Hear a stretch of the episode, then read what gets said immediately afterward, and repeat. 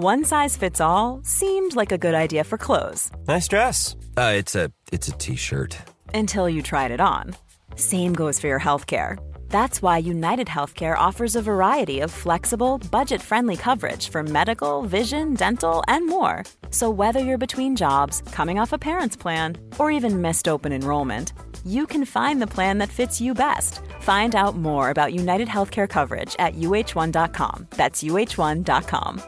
Jewelry isn't a gift you give just once, it's a way to remind your loved one of a beautiful moment every time they see it. Blue Nile can help you find the gift that says how you feel and says it beautifully with expert guidance and a wide assortment of jewelry of the highest quality at the best price. Go to BlueNile.com and experience the convenience of shopping Blue Nile, the original online jeweler since 1999. That's BlueNile.com to find the perfect jewelry gift for any occasion. BlueNile.com.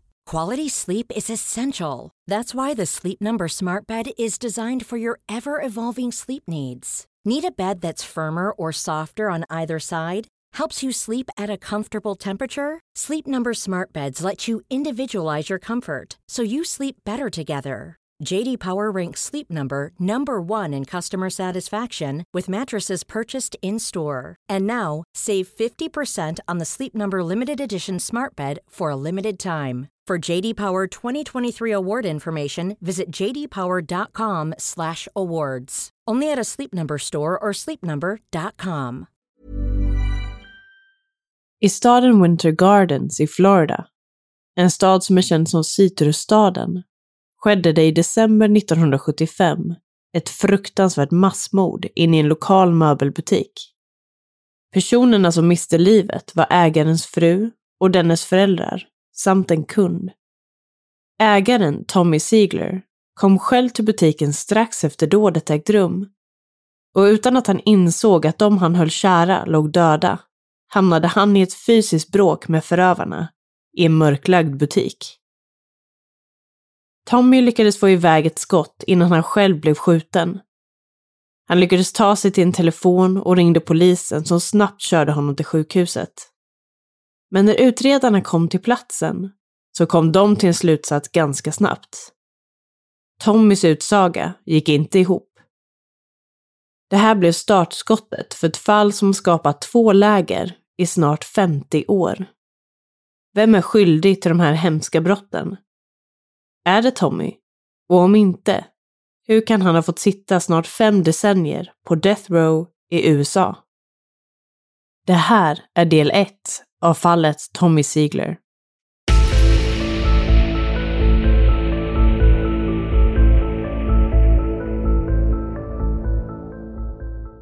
Hej på er och varmt välkomna ska ni vara till en ny vecka och ett nytt avsnitt av Rysapodden.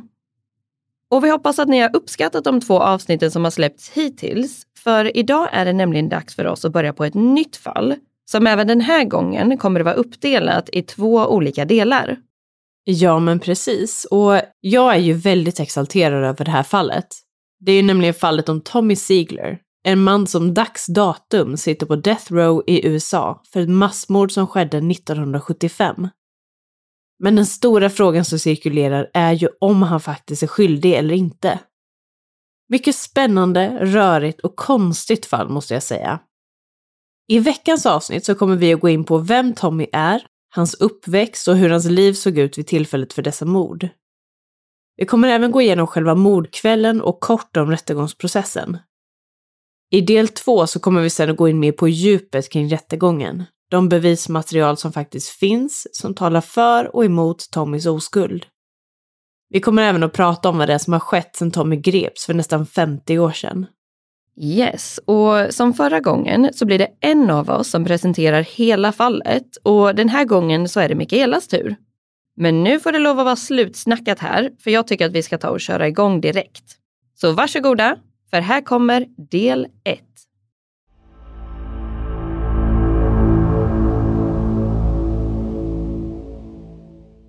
William Thomas Ziegler Jr föddes den 25 juli 1945 och växte upp i en medelklassfamilj i Winter Gardens, Florida.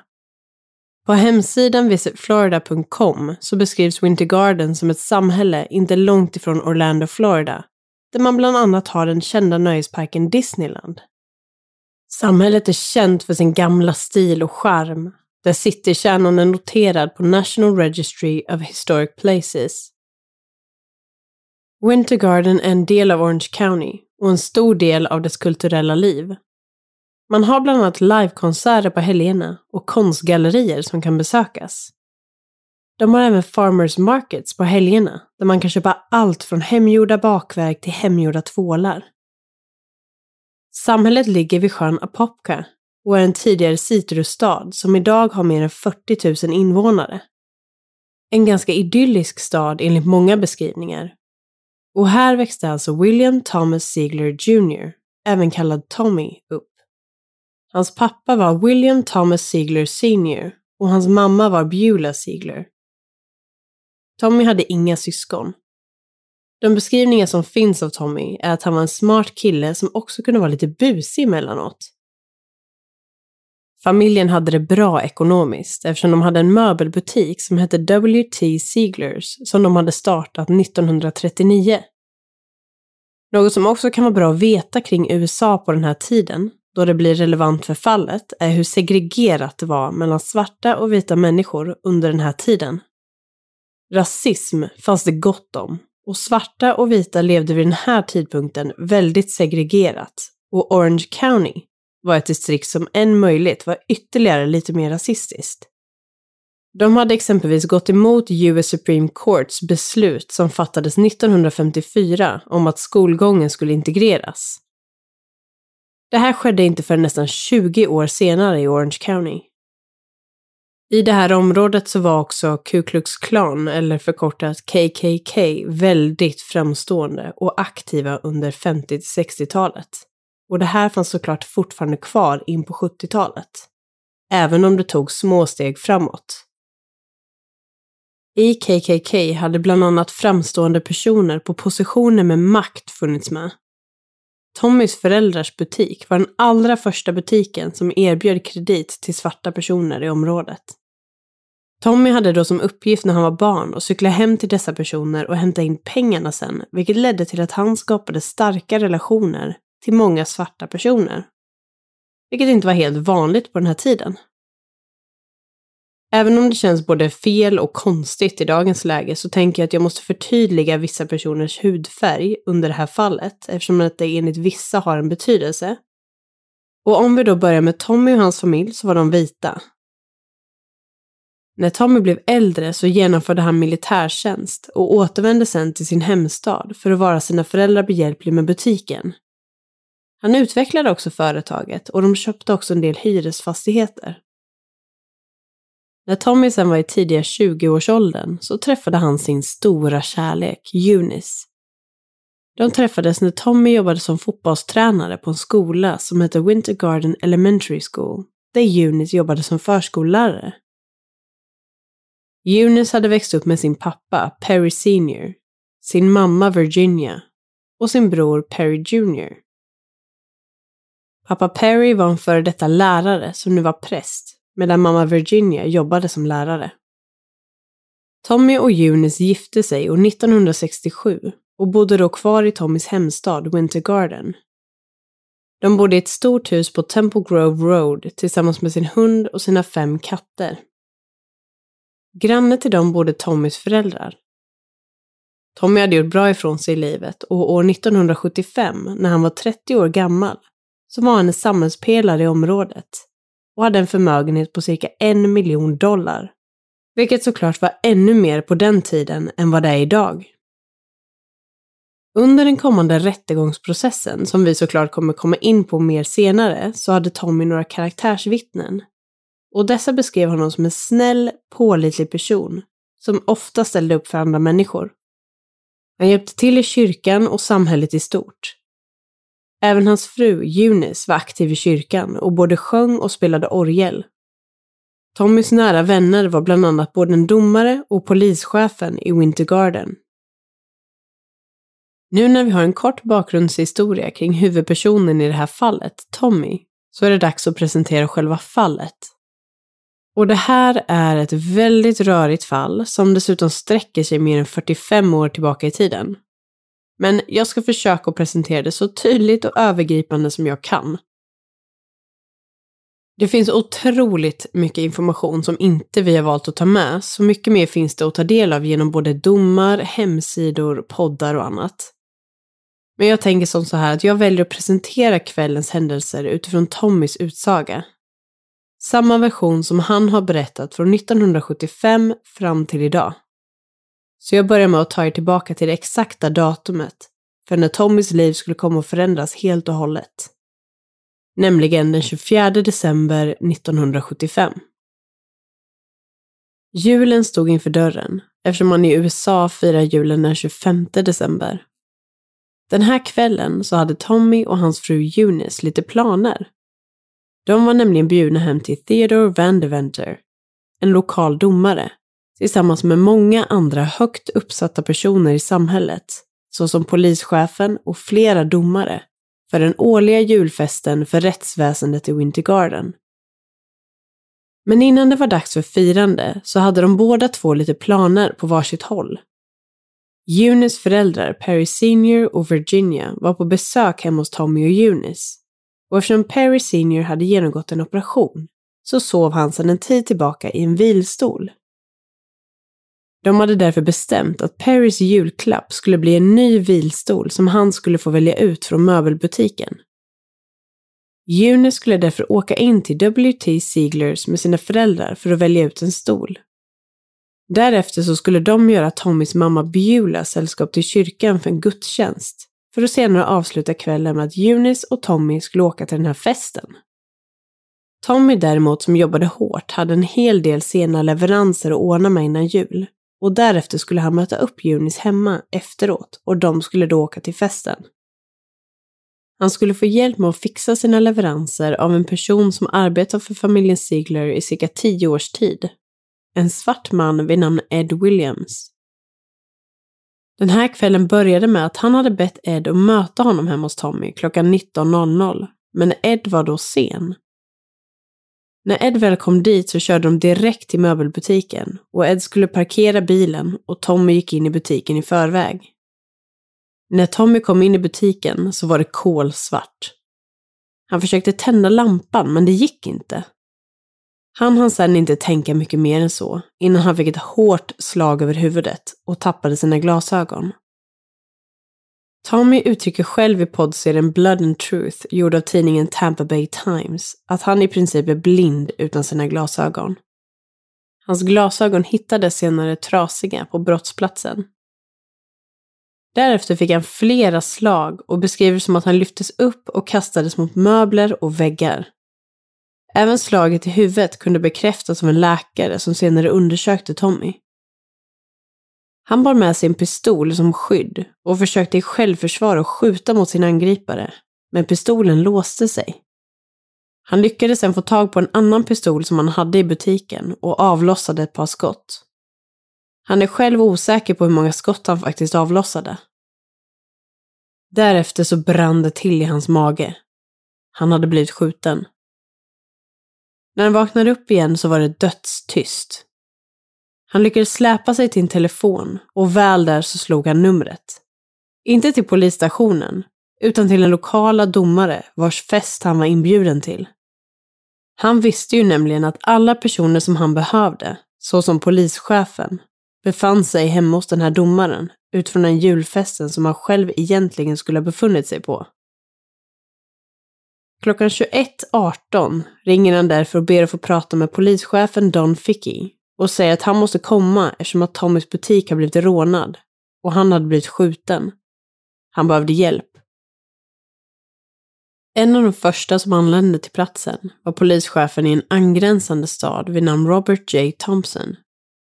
Han hade precis anlänt till den julfesten som även Tommy skulle ha varit på och möttes då av Don Fickey som var polischef i Winter Gardens. Don bad honom då följa med till möbelbutiken eftersom att det hade hänt någonting där. Robert var också den som mötte upp Tommy vid entrén och den vars famn Tommy ramlade ihop i.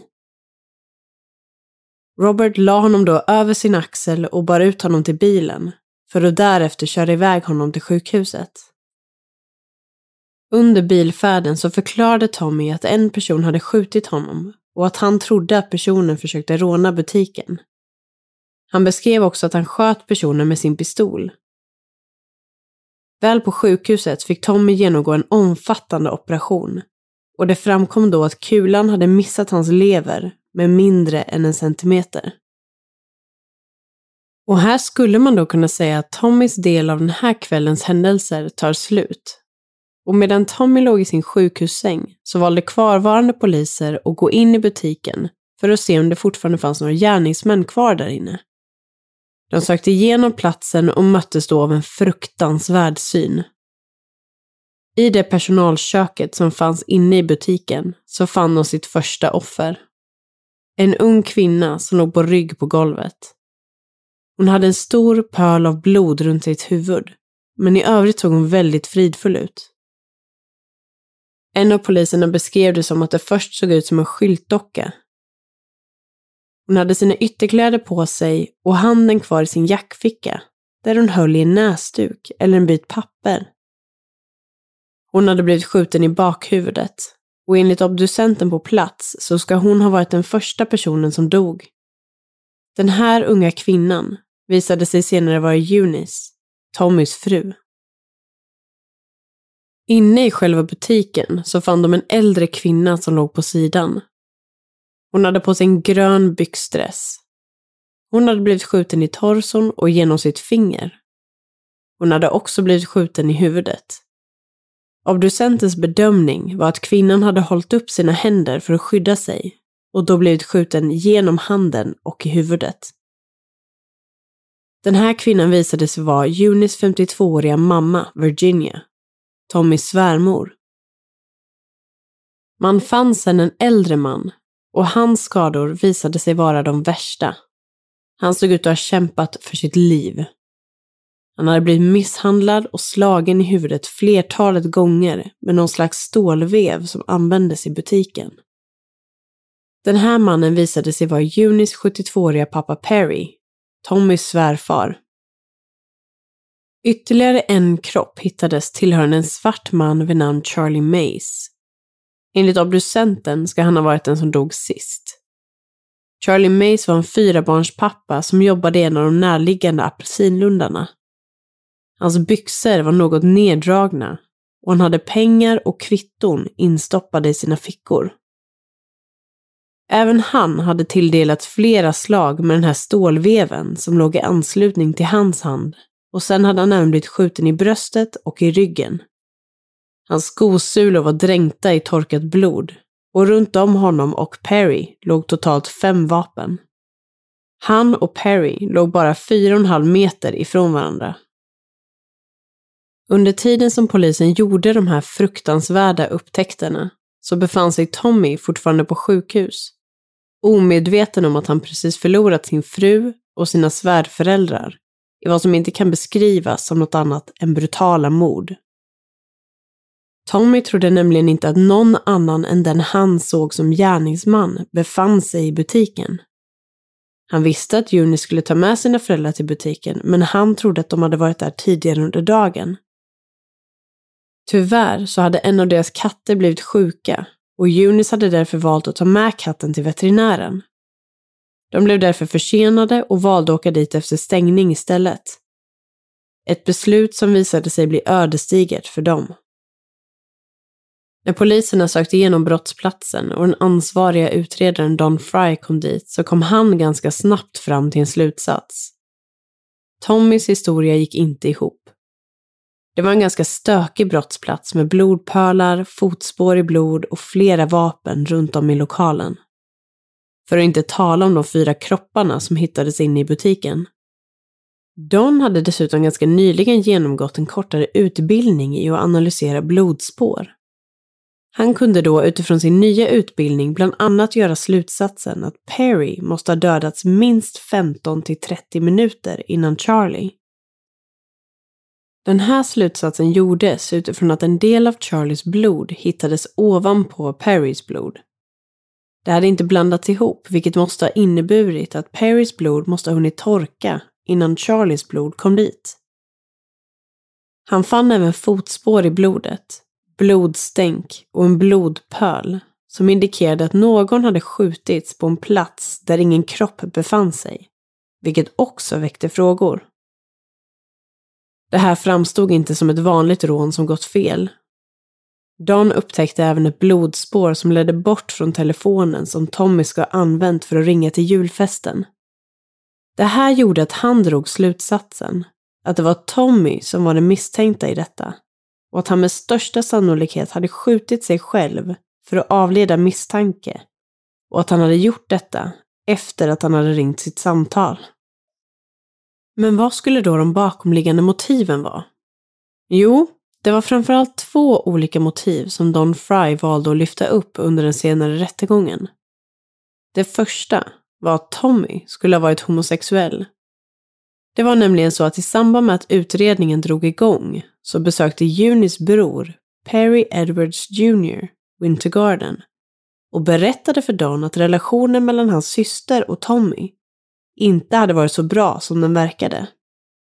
Han sa även att Junis planerade att lämna Tommy och anledningen till föräldrarnas besök var för att stötta och ta med Junis tillbaka hem. Anledningen till det här beslutet ska ha varit att Eunice fått reda på att Tommy hade varit otrogen.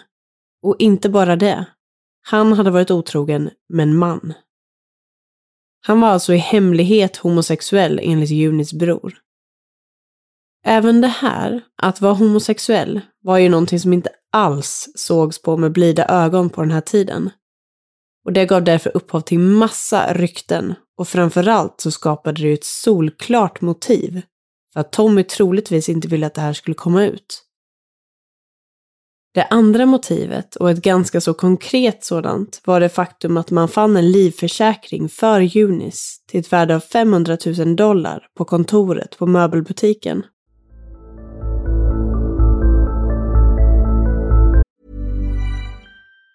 If you thought the only way to get a more defined jawline with natural looking results was through surgery, think again. Juvederm Volux XC is a non surgical injectable gel filler that improves moderate to severe loss of jawline definition and can help you achieve natural looking results with little downtime. Even better, this improved definition lasts up to one year with optimal treatment. No maintenance required. Improve jawline definition for a smooth, sculpted look with Juvederm Volux XC. For important safety information and to find a licensed specialist, visit juvederm.com. That's J U V E D E R M.com. Not for people with severe allergic reactions, allergies to lidocaine, or the proteins used in Juvederm. Common side effects include injection site redness, swelling, pain, tenderness, firmness, lumps, bumps, bruising, discoloration, or itching. There's a risk of unintentional injection into a blood vessel, which can cause vision abnormalities, blindness, stroke, temporary scabs, or scarring. Talk to a licensed specialist to find out if it's right for you. If you're looking for plump lips that last, you need to know about Juvederm lip fillers. With Juvederm Volbella XC and Juvederm Ultra XC, your lip look, whether it's subtle or bold, can last up to one full year with optimal treatment and no additional maintenance. Find a licensed specialist and see if it's right for you at juvederm.com today. That's J U V E D E R M.com. Add fullness to lips in adults over 21 with Juvederm Volbella XC or Juvederm Ultra XC. Do not use if you have severe allergies or a history of severe allergic reactions, or if you're allergic to lidocaine or the proteins used in Juvederm. Tell your doctor if you have a history of scarring or taking medicines that decrease the body's immune response or that can prolong bleeding. Common side effects include injection site redness, swelling, pain, tenderness, firmness, lumps, bumps, bruising, discoloration, or itching. As with all fillers, there's a rare risk of unintentional injection into a blood vessel, which can cause vision abnormalities, blindness, stroke, temporary scabs, or scarring. For full important safety information, visit juvederm.com. Here's a cool fact a crocodile can't stick out its tongue. Another cool fact you can get short term health insurance for a month or just under a year in some states. United Healthcare short term insurance plans are designed for people who are between jobs, coming off their parents' plan, or turning a side hustle into a full time gig. Underwritten by Golden Rule Insurance Company, they offer flexible, budget friendly coverage with access to a nationwide network of doctors and hospitals. Get more cool facts about United Healthcare short term plans at uh1.com.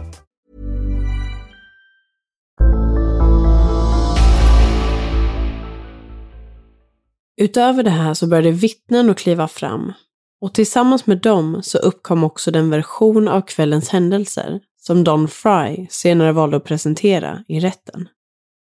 Så jag tänker att jag beskriver de här två vittnenas utsagor och lägger in detaljerna som Don presenterade. Först ut var en man vid namn Felton Thomas. Han kontaktade polisen och berättade att han var vän till Charlie Mace, som också hade blivit mördad i butiken. Han uppgav att han hade varit tillsammans med Charlie under kvällen och att han hade bett Felton om hjälp att hämta upp en TV som han skulle köpa från möbelbutiken klockan 19.30. Enligt Don ska då Tommy innan det här ha tagit med sig sin fru Eunice och sina svärföräldrar till möbelbutiken och skjutit dem. Därefter anländer Charlie och Felton till butiken och enligt Felton så möttes de då upp av vad han beskriver som en vit man som uppgav sig för att vara Tommy Ziegler. Han ska då ha bjudit med sig de här två männen, alltså Charlie och Felton, till en närliggande apelsinlund för att testskjuta några pistoler som han ska ha skaffat nyligen. Och det här ska han enligt Don Fry ha gjort för att få dit deras fingeravtryck på pistolerna. Därefter ska de åka tillbaka till butiken där Tommy ska ha bett Charlie och Felton att stänga av strömmen till byggnaden. Han ska sen ha sagt att han inte hade några nycklar på sig utan att de skulle behöva brytas in. Det här ska Tommy enligt Don ha gjort för att det skulle finnas bevis för att ett inbrott skulle ha ägt rum. Men till slut ska Tommy ha sagt att de skulle köra hem till honom och hämta upp hans nycklar, vilket de nog ska ha gjort, för att sedan återvända till möbelbutiken. När de skulle gå in i butiken så valde Felton att inte följa med in utan lämnade platsen eftersom att han kände sig obehagligt till mods av situationen. Charlie och Tommy gick istället in i butiken där Charlie senare hittades död. Det här var ju såklart inte ett jättebra vittne för Tommys del. Och det skulle bli ännu värre när ytterligare ett vittne trädde fram. Just det här vittnet skulle minst sagt bli ödesdigert för Tommy. Det var nämligen Ed Williams. Samma Ed som Tommy hade varit med tidigare under kvällen. Och som han hade känt och arbetat med i över tio års tid. Eds historia visade sig också skilja sig radikalt från den historia som Tommy hade uppgett. Ed vittnade nämligen om att Tommy hade bett Ed att hjälpa honom att leverera några julklappar den här kvällen och att möta honom vid Tommys hem klockan 19.30. Tommy ska då ha blivit cirka 20 minuter sen och han ska till slut ha anlänt i en bil tillsammans med två svarta män som enligt Don Fry ska varit Charlie och Felton. Han ska därefter ha gått in i garaget, hämtat ammunition och sen bett Ed att vänta en liten stund till. Efter det ska Tommy ha lämnat platsen. Enligt Don ska han då ha åkt tillbaka till butiken och vid det här tillfället skjutit ihjäl Charlie. Han kom sen tillbaka till sitt hem och mötte upp Ed för att därefter bege sig tillbaka till butiken ihop med honom. Tommy ska då ha gått in först och Ed följde efter. Ed ska sen, trots att butiken har varit nersläckt, ha sett hur Tommy tog fram en pistol och riktade den mot honom. Han ska sedan ha försökt avlossa skott, men pistolen ska ha låst sig. Därefter ska han ha försökt övertyga Ed om att komma tillbaka in i butiken och i samband med det här ha gett honom pistolen. Ed ska dock ha valt att ta emot pistolen, lägga den i sin byxficka och sedan klättrat över ett närliggande staket för att fly därifrån. Han sprang därefter in på en lokal restaurang där han sa sig vilja låna telefonen för att ringa polisen. Inget samtal gick dock iväg till polisen och därefter så lämnade Ed Winter Gardens och drog iväg till Orlando. Han överlämnade senare den här pistolen till polisen. Och just den här pistolen visade sig vara mordvapnet för de brutala morden på Tommys svärföräldrar, Perry Senior och Virginia. Tommy greps den 29 december, fortfarande sittandes i sin sjukhussäng. Och nu förstår ni, så kommer det bli något av en utläggning kring den här följande rättegången. För att oavsett var man står i Tommys faktiska skuld framåt här nu så känner jag mig väldigt trygg med att säga att han inte har fått en rättvis rättegång. Och det kommer enligt mig att framkomma allt eftersom från och med nu. Det fanns nämligen flera saker under den här rättegången som inte gick helt rätt till. Och jag tänker nämna dem först för att som sagt oavsett skyldig eller ej så har man i alla fall rätt till en rättvis rättegång. Så vi tar och går igenom själva rättegången först och bevismaterialen efteråt så kan ni också göra upp er en egen bild av vad ni tror hände därefter. Först och främst så dröjde åklagarsidan väldigt länge med att lämna över samtliga uppgifter till försvaret. Det här gjorde att när de väl tog del av viss information eller material så hann de inte göra något med det. Helheten av hur pass mycket information det här handlade om framkom först 1987, mer än tio år efter att rättegången var avslutad. Och vi kommer komma in mer på det lite senare. Men det framkom i alla fall då att försvaret inte fick del av allt bevismaterial och att visst material lämnades över för sent för att kunna göra några ordentliga analyser på. Ett exempel är det faktum att de ville testa Ed Williams byxor för skottrester. För om saker hade gått till på det viset som Ed beskrev så borde han haft skottrester i sin ficka eftersom en avlossad pistol hade legat där under en längre tid. Byxorna lämnades däremot inte över till försvaret förrän två veckor innan rättegången skulle börja. Testerna hann därför skickas iväg för analys, men själva provsvaren kom inte tillbaka förrän rättegången redan var avslutad. Och de här provsvaren visade då att det inte förekom några skottrester i Eds ficka. Däremot så testade åklagaren Tommys kläder och de provsvaren kom tillbaka som negativt. Detta trots att teorin var att han skulle ha skjutit över 28 skott under den här kvällen. Men den här rapporten fick försvaret inte ta del av. Tre gånger så bad Tommys försvarsadvokat Terry Hadley om uppskov eftersom att det fanns så otroligt mycket bevismaterial och vittnen som försvaret bara dagar innan hade fått ta del av. Bevismaterial och vittnen som eventuellt kunde vara avgörande för Tommys fall.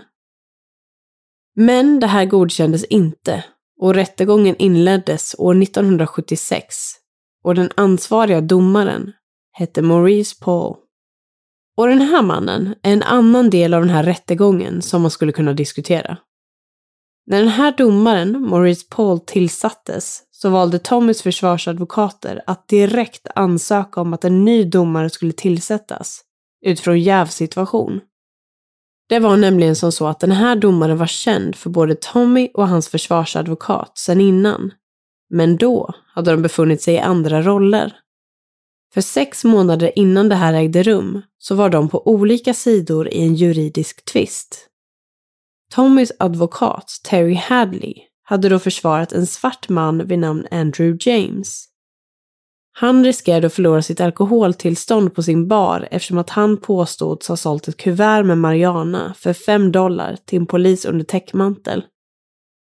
Tommy, som då kände Andrew sedan många år tillbaka, ställde upp som ett karaktärsvittne för honom, vilket då fick den här polisens utsaga att ifrågasättas. Även polisen hade ett noga utvalt karaktärsvittne. Och ni kan ju säkert gissa vem det var. Jo, Maurice Paul. Andrew vann den här tvisten och fick behålla sitt alkoholtillstånd och därmed sin verksamhet. Men nu, bara några månader senare, så stod alltså Maurice Paul som domare och skulle bedöma om Tommys öde. Tommys advokater skickade som sagt genast in en ansökan om att en ny domare skulle tilldelas fallet utifrån jävsituation. Men Maurice vägrade släppa fallet och ansökan nekades. Sen har vi den tredje delen av den här rättegången som skulle kunna diskuteras, nämligen juryns överläggning. Juryn bestod av nio kvinnor och tre män, varav hälften vita och hälften svarta. Överläggningen började då med att personen som hade utsetts till ordförande för juryn sa att han inte ens behövde överlägga. Han var redan klar med sitt beslut. Tommy var skyldig. Vid den första juryomröstningen som ägde rum så blev det 50-50. Hälften ansåg att Tommy var skyldig och hälften inte. Stämningen i det här rummet blev snabbt väldigt otrevligt och framförallt en person fick utstå en hel del. Och det var en 38-årig hemmafru vid namn Irma Brickle. Hon ansåg att Tommy var oskyldig Hon kunde helt enkelt inte få ihop hur han skulle ha kunnat genomföra brottet. De andra jurymedlemmarna skrek då på henne, kallade henne fula namn och blev frustrerade när hon ville diskutera bevismaterialen som de hade att gå igenom. Vid ett tillfälle så föreslog Irma att de kunde sätta Junis kläder på en provdocka för att få en bättre bild av hur skadorna hade sett ut. En av de andra jurymedlemmarna sa då som svar att hon verkade ha typ samma storlek så hon kunde väl sätta på sig dem själv och få en känsla för situationen. Efter ett par dagars överläggning så började Irma få nog och skrev en lapp där hon bad om att få träffa domaren Maurice Paul. Hon skrev ner sin oro på lappen vad gäller den hetska stämningen och förutfattade meningar från ordföranden. Maurice svarade henne med en egen lapp där det stod Tack för din observation, men det finns inget behov för ett personligt möte. Senare den dagen så kallades ombuden in till domaren Maurice som berättade att Irma hade svimmat under överläggningarna. De hade då skickat in sjukvårdspersonal som kunde bedöma om hon var i tillräckligt gott skick för att kunna fortsätta överläggningarna. Hon bekräftade att hon var det, men att hon gärna ville diskutera den pressen som fanns i juryrummet. Tommys advokat, Terry Hadley, bad om att ogiltigförklara rättegången på grund av tjänstefel från juryn. Något som nekades av domaren Maurice.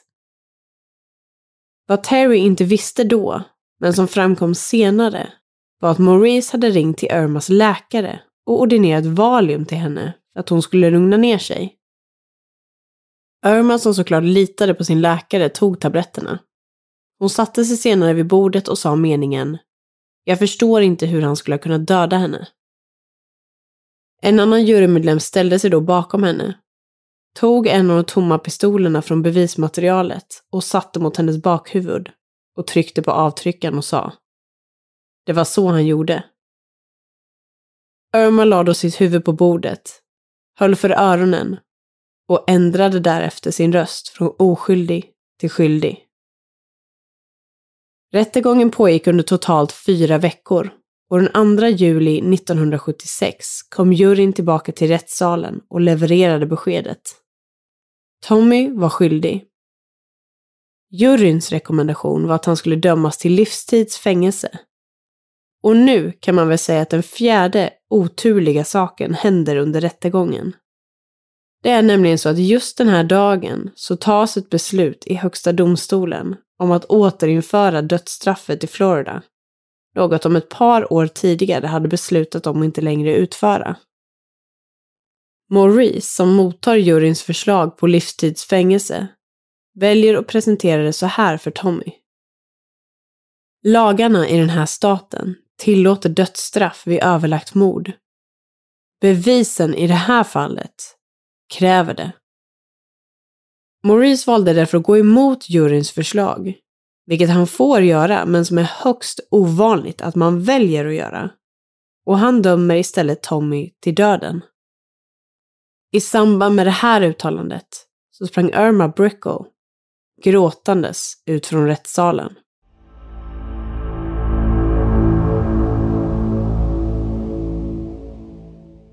Ja, där har ni alltså del 1 och om exakt en vecka så fortsätter vi det här fallet. Och då kommer vi att grotta ner oss lite mer i vad man faktiskt hade för bevis och vad som talar för eller emot Tommys oskuld. Vi tar också reda på vad som har kommit fram sedan själva domen föll. Vad har hänt och vart står man i det här fallet nu? Men precis som förra gången så behöver ni inte oroa er för att ni ska ha glömt bort allting tills dess. För eh, vi kommer såklart att börja nästa del med en kort liten summering. Yes, och kanske inte på detaljnivå, men en liten friska upp minnet-sammanfattning i alla fall. Men vi hoppas verkligen att ni har uppskattat den här veckans avsnitt och att ni vill följa med oss nästa vecka när vi går vidare i fallet. Så tills dess får vi skicka med ett stort tack för att just du har valt att lyssna på det här avsnittet av Rysapodden.